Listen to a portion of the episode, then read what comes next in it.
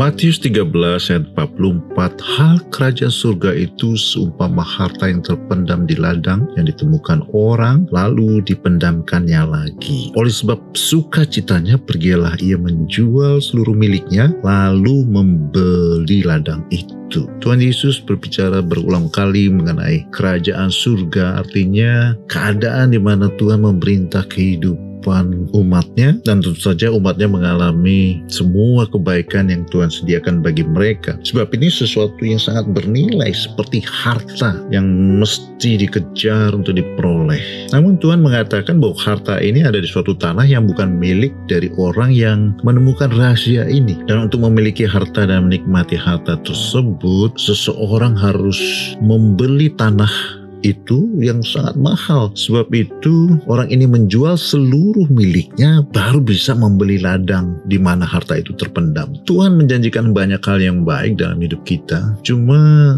tidak bisa setengah hati untuk mengalami itu ada harga yang harus dibayar.